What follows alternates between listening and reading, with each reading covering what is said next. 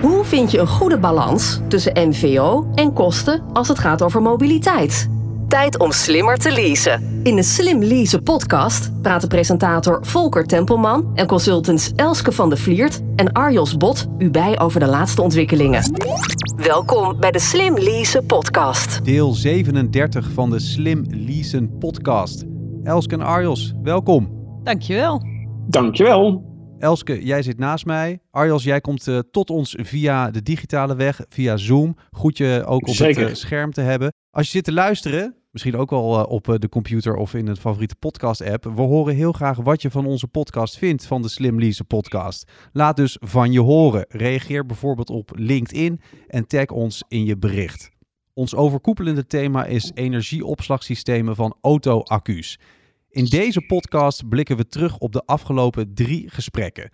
Daarin waren te gast Andreas Plenk van Alphen, Casper Scheltinga van Timeshift en Jeannette Kes van ARN, Auto Recycling Nederland. Jongens, het waren drie mooie podcasts. Laten we terugkijken erop. Laten we beginnen bij de highlights. Wat zijn naar jullie mening de highlights van die drie podcasts?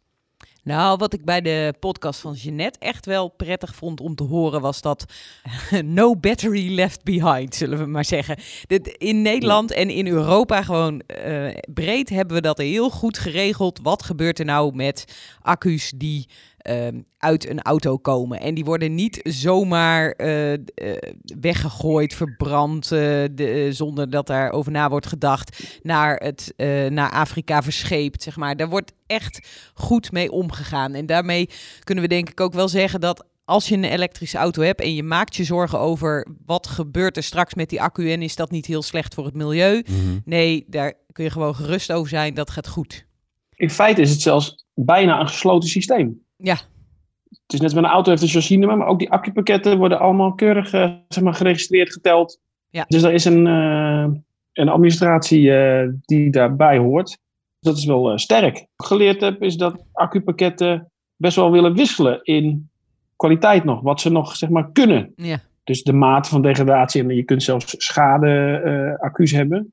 Um, dus daar hameren dus ook wel op. Van ja, je hebt zeg maar het kaf van de koren scheiden. Uh, weet wat je koopt als je een gebruikte auto koopt. En dat daar nog stappen gezet worden in keurmerken. Die iets vertellen over de status van je battery pack. Dat is dus uh, in progress.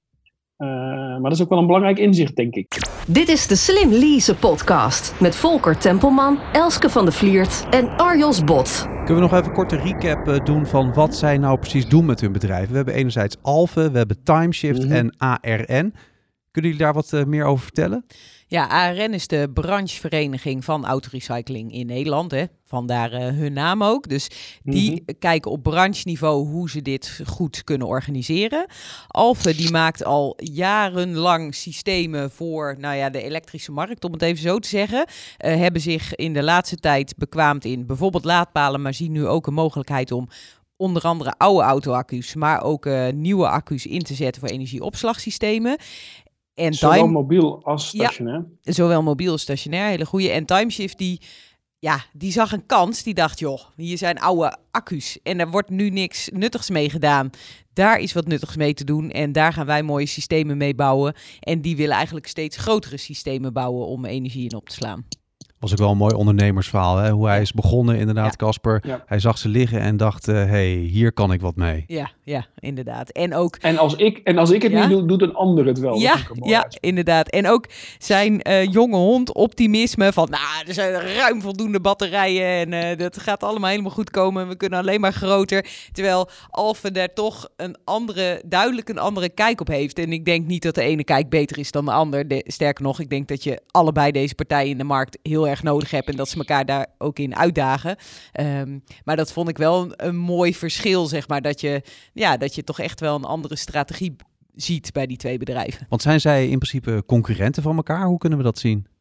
Ja, zij zijn concurrenten van elkaar. Ze zitten ook bijvoorbeeld allebei in eh, de commissie die de veiligheidsrichtlijnen voor deze EOS eh, opstelt. En eh, dus EOS? Ja, energieopslagsystemen. Sorry, Arjos. Arjos, EOS. Ehm, dus ze werken ook wel heel erg veel samen. En die markt is nog zo nieuw. En ik merk gewoon dat de partijen die in die markt zitten, want ik ben voorzitter van die commissie, dat die allemaal zeg maar heel serieus hiermee be bezig zijn, omdat veiligheid zo'n belangrijk issue is. Omdat Mhm. het gewoon zo kan zijn dat, je batterij in de fik gaat en dan houdt hij niet meer op. Plus, als dat dan weer Mhm. eh, breed uitgemeten wordt in de media, dan eh, heb je wel even een negatief effect mogelijk op je, je business. Dus eh, het is niet Ja. alleen zeg maar defensief, maar je moet het gewoon op de voorkant goed geregeld hebben. En degene die dat het beste voor elkaar heeft, die kan dan weer harder groeien, zullen we Ja. denken. Een vraag eh, aan jou, Arjos. Eh, jij zit natuurlijk hier eh, Mhm. vanuit Arval. Eh, hoe, hoe kijken jullie vanuit Arval naar deze ontwikkelingen in die, in die markt van die eh, gebruikte autobatterijen? Hoe belangrijk is dat? Nou, eh er zitten meerdere kanten aan dat verhaal. In eerste instantie is het altijd de klant die vraagt en wij leveren. Dus als de klant Mhm. een benzineauto wil, krijgt hij een benzineauto. Wil hij een plug-in weer, dan krijgt hij prima, wij leveren. Ehm, dus daar zit niet een eh, heel verhaal van dat kunnen we niet, of dat willen we niet, of dat doen we niet mee. Mhm. Wij leveren.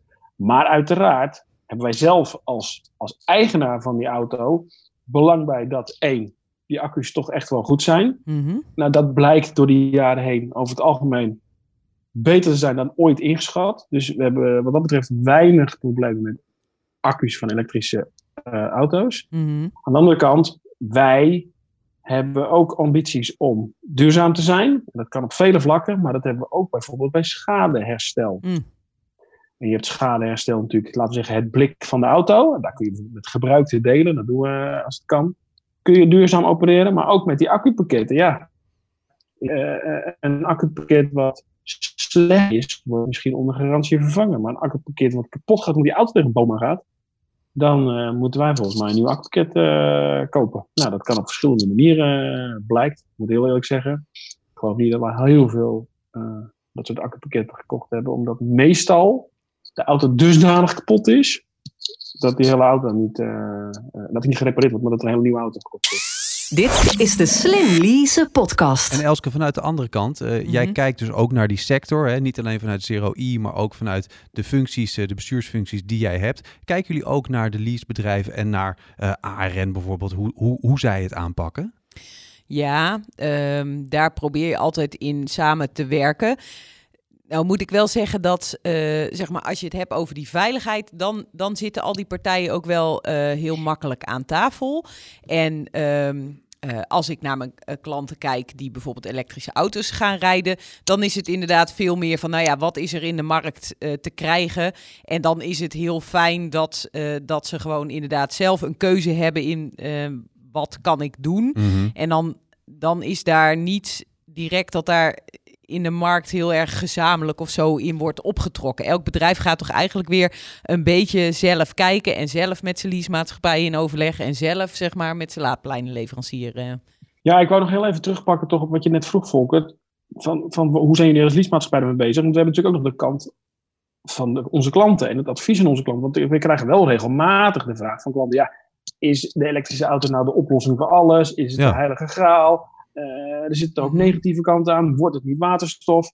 Nou, dus dan is het belangrijk om met de juiste kennis en inzichten eh, klanten te informeren. Mhm. Uh, en in feite, op basis van wat wij in de afgelopen podcast gehoord hebben, kunnen we dus nog steeds de elektrische auto omarmen als een duurzaam, schoner alternatief voor een eh, fossiel aangedreven auto. Ja, en daarbij vond ik het echt dan heel mooi om te horen dat je, zeg maar, eigenlijk van de- dat je oude auto-accu's in een systeem zet waarmee je ervoor gaat zorgen dat de nieuwe auto-accu's, de nieuwe auto's, beter geladen kunnen worden met je eigen zonnepanelen. Nou, heel veel Ja, circulairder ja. kun je het niet hebben, hè? Dus eh, daar, ja, daar, daar moet je ook, denk ik, als bedrijf dat met duurzaamheid bezig is, echt gelukkig van worden. Dat je dan echt die hele keten kunt sluiten. En dat is gewoon een heel mooie, hele mooie ontwikkeling. Dat is de situatie waar we nu in zitten. Welke ontwikkelingen zien we op ons afkomen, jong- jongens? dat er steeds meer van die energieopslagsystemen komen. En ik denk ook wel dat het dus in de wijk, dat gaf Alfa ook wel heel duidelijk aan dat ze daar ook de meeste mogelijkheden zagen. Veel meer dan hè, thuis zo'n accu'tje ophangen. Ja, En ik denk ook wel dat dat een enorme eh, boost gaat geven, omdat je nu veel netwerkbedrijven hoort. En wij hadden ooit lang geleden een eh, podcast over laadpalen, waarbij eh, de beste man Mhm. zei dat het ja. net ongeveer 25% verzwaard moest worden. Nou ja, als je daar toch al hè, maar naar de helft of zo toe kan, omdat je goed van die, e uh, van die energieopslagsystemen neerzet. Nou, dat, dat, dat gaat ons enorm helpen in uh, de duurzame energieproductie ook nuttig kunnen inzetten en niet allemaal weg moeten gooien op het net, zeg maar. Balanceren van vraag en aanbod naar energie. Ja. De, de pieken daaruit halen. Ja. Ja. dat gaat steeds een belangrijker uh, thema worden, gezien de groeiende aantallen elektrische auto's. En daarmee om, uh, laten we zeggen, vijf, zes uur s middags de piekvraag naar uh, elektriciteit. Hoe Ja. gaat dat dan in de praktijk, in de wijk? Nou, dan eh, kom je de wijk binnengereden en dan zie je ergens centraal een soort van elektriciteitshuisje staan. Maar dan Ja. staan, zit, zitten daar dus batterijen in die ervoor zorgen dat al die mensen die zonnepanelen op het dak hebben, eh, nou ja, dat die stroom daar wordt opgeslagen. En dat al die mensen die dan vervolgens weer s'avonds hun elektrische auto laden, rustig die elektrische auto kunnen opladen. En ik denk dat je dat dus ook ehm, veel meer gaat zien. Zeker in de nieuwe wijken waar ze ook nog van het gas afgaan. Dus waar ze alles Mhm. elektrisch moeten doen. Ja, daar zul je echt van die, veel meer van die huisjes zien staan. En ik hoop dat ze dat een beetje mooi inkleden. Want sommige elektriciteitshuisjes zijn heel lelijk. Inge- ingraven. Ingraven, ja, dat heeft eh, nog weer... Kijk, eh, dat is iets hè, waar we bijvoorbeeld in die PGS 37-commissie het over hebben. Van, zou je dit niet kunnen ingraven? Is dat niet voor de veiligheid ook een heel goed idee? Ja. Maar de enorme bagger die je dan krijgt als de boel wel in de fik gaat... Ja, en de bodembescherming die je dan moet toepassen. En het feit dat je moet uitgraven en eh, dat je er niet bij kan komen. En dat als iemand afgedaald is om iets in, die, eh, in dat energieopslagsysteem te doen. En dan weer naar boven moet. En voor de veiligheid eh, wil je hem eigenlijk boven het maaiveld hebben. Dat maakt het wel lastiger, want je kijkt dus eigenlijk eh, heel erg positief naar de toekomst met z'n allen. Mhm. Maar dan, hoppa, zit je meteen weer met eh, eh, alleen al veiligheidsissues die daar een stokje voor steken. Ja, maar dat zitten we eigenlijk al decennia lang. Alleen tegenwoordig hebben we het ook door dat we met veiligheidsissues zitten. En niet zoals met Chrome 6, hè, waar we gewoon mee geverfd hebben. En dat er later mensen dood blijken te gaan. Dus wat dat betreft, ja, hoor maar eens. beter ook. Maar beter ook, ja. Dit is de Slim Lease podcast. Hoe keken de gasten uit onze vorige podcast, Andreas, Casper en Jeannette, eh, eh, naar de toekomst? Wat hebben jullie daarvan eh, vooral meegekregen in de highlights? Nou, er is niemand die twijfelt aan de toekomst van de elektrische auto. Nee. Dat is de eerste. eh, ze er wordt in ieder geval door deze gasten, is niet heel, eh, wordt in ieder geval omarmd. Eh, en zij denken natuurlijk heel veel in auto-accu's. Dus eh, ja, je, Autorecycling Nederland, ja, auto's zullen er voorlopig echt wel blijven. Dus Ja. die hebben echt nog, nog wel wat te doen de komende eh, eeuw. Ehm, eh, en voor Andreas en Casper, ja, ze, zij zijn dus blijkbaar niet zo bezorgd over de eh, beschikbaarheid van gebruikte Nee. accu's. Nou gebruikt Alfa ook nieuwe accu's. Ehm, eh, dus dat, dat, ja, zij zien echt die toekomst wel. En ze zijn ook niet alleen, zelfs als er andere vormen eh, bijkomen, denk aan Mhm. waterstof met Ja. name natuurlijk, hè, dan nog eh, gezien de hoeveelheid accu's, elektrische auto's, maar ook accufabrieken die nu in de wereld, maar ook in Europa neergezet worden. Ja, die stabiele toevoer van eh, gebruikte accu's, die is wel gegarandeerd voor de komende tientallen jaren. Ja, en dan hoor je dus ook nog dat ze zelf eigenlijk al een derde leven voor hun accu's kunnen. Zeker bij Alfe, hè, die dan zegt van, nou ja, Mhm. we kunnen hem eh, eerst bij zijn windpark inzetten en daarna hebben we nog een toepassing daarvoor. Dus voordat die accu eenmaal echt ontmanteld moet worden, zijn we zo een decennium verder.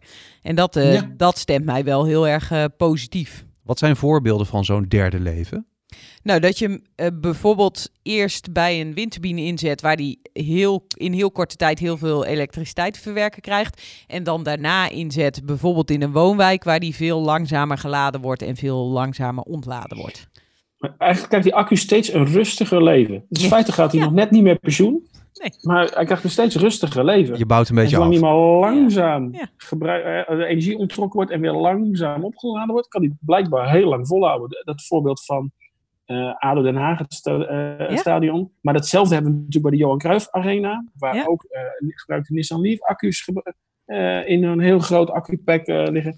Die halen pieken, dalen eruit en managen. eh, dat. En, en dat werkt so far heel goed. Ligt er daarna ook nog een, eh, een verdere toekomst in deze batterij? Of moeten we het dan aan de hand van wat we hebben gehoord eh, van de gasten weer in andere energietoepassingen zien? Ja, op een gegeven moment gaan de bedrijven van ARN ermee aan de slag. Dus dan wordt die helemaal ontmanteld en dan, ehm, dan wordt er, de, worden de nuttige materialen er nog weer uitgehaald. En ik denk ook dat, je, dat we daar ook in het, de komende jaren heel veel ontwikkeling gaan zien. Want eh, eh, we, willen gewoon, we hebben gewoon steeds minder grondstoffen. Dus grondstoffen worden steeds duurder. Dus het wordt steeds kosteneffectiever om nou ja, de moeite te nemen om van alles eruit te halen. Dus dan, ehm, eh, en er zit nogal wat mooi spul in die in die lithium-ion accu's. Dit is de Slim Lease podcast met Volker Tempelman, Elske van de Vliert en Arjos Bot. En dat mes dat snijdt aan twee kanten. Hè? Want het is ook dat er steeds minder van die kostbare zeldzame materialen in accu's nodig zijn om ze überhaupt te produceren. Dus het, is, er gaat minder in. Mhm. En wat er uh, zeg maar afgeschreven is of gerecycled moet worden, daar wordt steeds beter die materialen uitgehaald. Nog iets uh, wat Alve zei over die toekomst was eigenlijk het huren van energie. Of in ieder geval daar heel flexibel mee om kunnen gaan. Dat je dus niet inderdaad je eigen uh, zonnestroom gaat opslaan, maar dat in de wijk. En dat je dan ook precies wanneer je het nodig hebt, uh, die energie gebruikt. Ja, dat is natuurlijk nu op het net ook zo. Maar dat je daar verschillende abonnementen voor kunt afsluiten. En dat is nog wel een hele boeiende. Nieuwe ontwikkeling die ik niet helemaal kan overzien. Maar dat is wel iets waar je als wagenparkbeheerder over na moet gaan denken. Want dit gaat niet alleen in de wijk spelen, dit gaat ook uh, op het bedrijventerrein spelen waar je zit bijvoorbeeld. En hoe ga je nou straks uh, slimme abonnementen afsluiten? Of hoe profiteer je ervan? Of ben jij misschien degene die, die, energie, die dat energieopslagsysteem op zijn terrein zet en laat je daar de rest van uh, de huurders van profiteren? Dat is nog wel iets wat ik denk de facilitaire tak van een gemiddeld wat groter bedrijf, hè, de, mm -hmm. daar, uh, daar gaan ontwikkelingen komen. Ook nog ondernemerskansen, denk je? Ligt, ligt daar een wereld voor te oprapen? Ja, als je die abonnementen zeg maar in die energie goed gaat vermarkten, dan uh, er zijn natuurlijk al een heleboel energiepartijen, maar misschien zou je daar nog weer een eigen insteek in kunnen vinden. Daar, uh, ja, als het steeds meer toegaat naar ja, hoe je met je mobiele telefoonabonnement uh, omgaat, dan is daar nog wel wat nieuws in te ontwikkelen. Tot zover. Dit was deel 37 van de Slim Leasen podcast. Elske en Arjos die blikten terug op uh, de afgelopen drie podcasts aan de hand van het overkoepelende thema energieopslagsystemen van auto-accu's. Guys, dankjewel. Graag gedaan. Was weer Graag leuk. gedaan. Ja, en jullie luisteraars ook heel erg bedankt voor het luisteren. We vinden het leuk dat je luistert naar de Slim Lease podcast. Elske, voor iedereen die meer wil horen, waar kan je de podcasts terug horen? Slimleasepodcast.nl Dat is de site. En natuurlijk op je favoriete podcast player. Zoals daar is uh, natuurlijk uh, de Apple uh, podcast player, maar ook Podcast Addict. En jouw favoriete, Elske? Player FM. Zeker weten. We horen graag wat je van de podcast vindt. laat van je horen. Reageer bijvoorbeeld op LinkedIn en tag Elske, Arjos en mij in je bericht. Waar en hoe zijn jullie te bereiken? Nou, bijvoorbeeld door te mailen van de vliert.zero-e.nl Of door mij te mailen arios.bot.arval.nl Duidelijk verhaal. Tot de volgende keer. Tot zover deze aflevering van de Slim Lease podcast. Zorg dat je op de hoogte blijft van alle ontwikkelingen op het gebied van zakelijke mobiliteit en luister ook naar de volgende aflevering.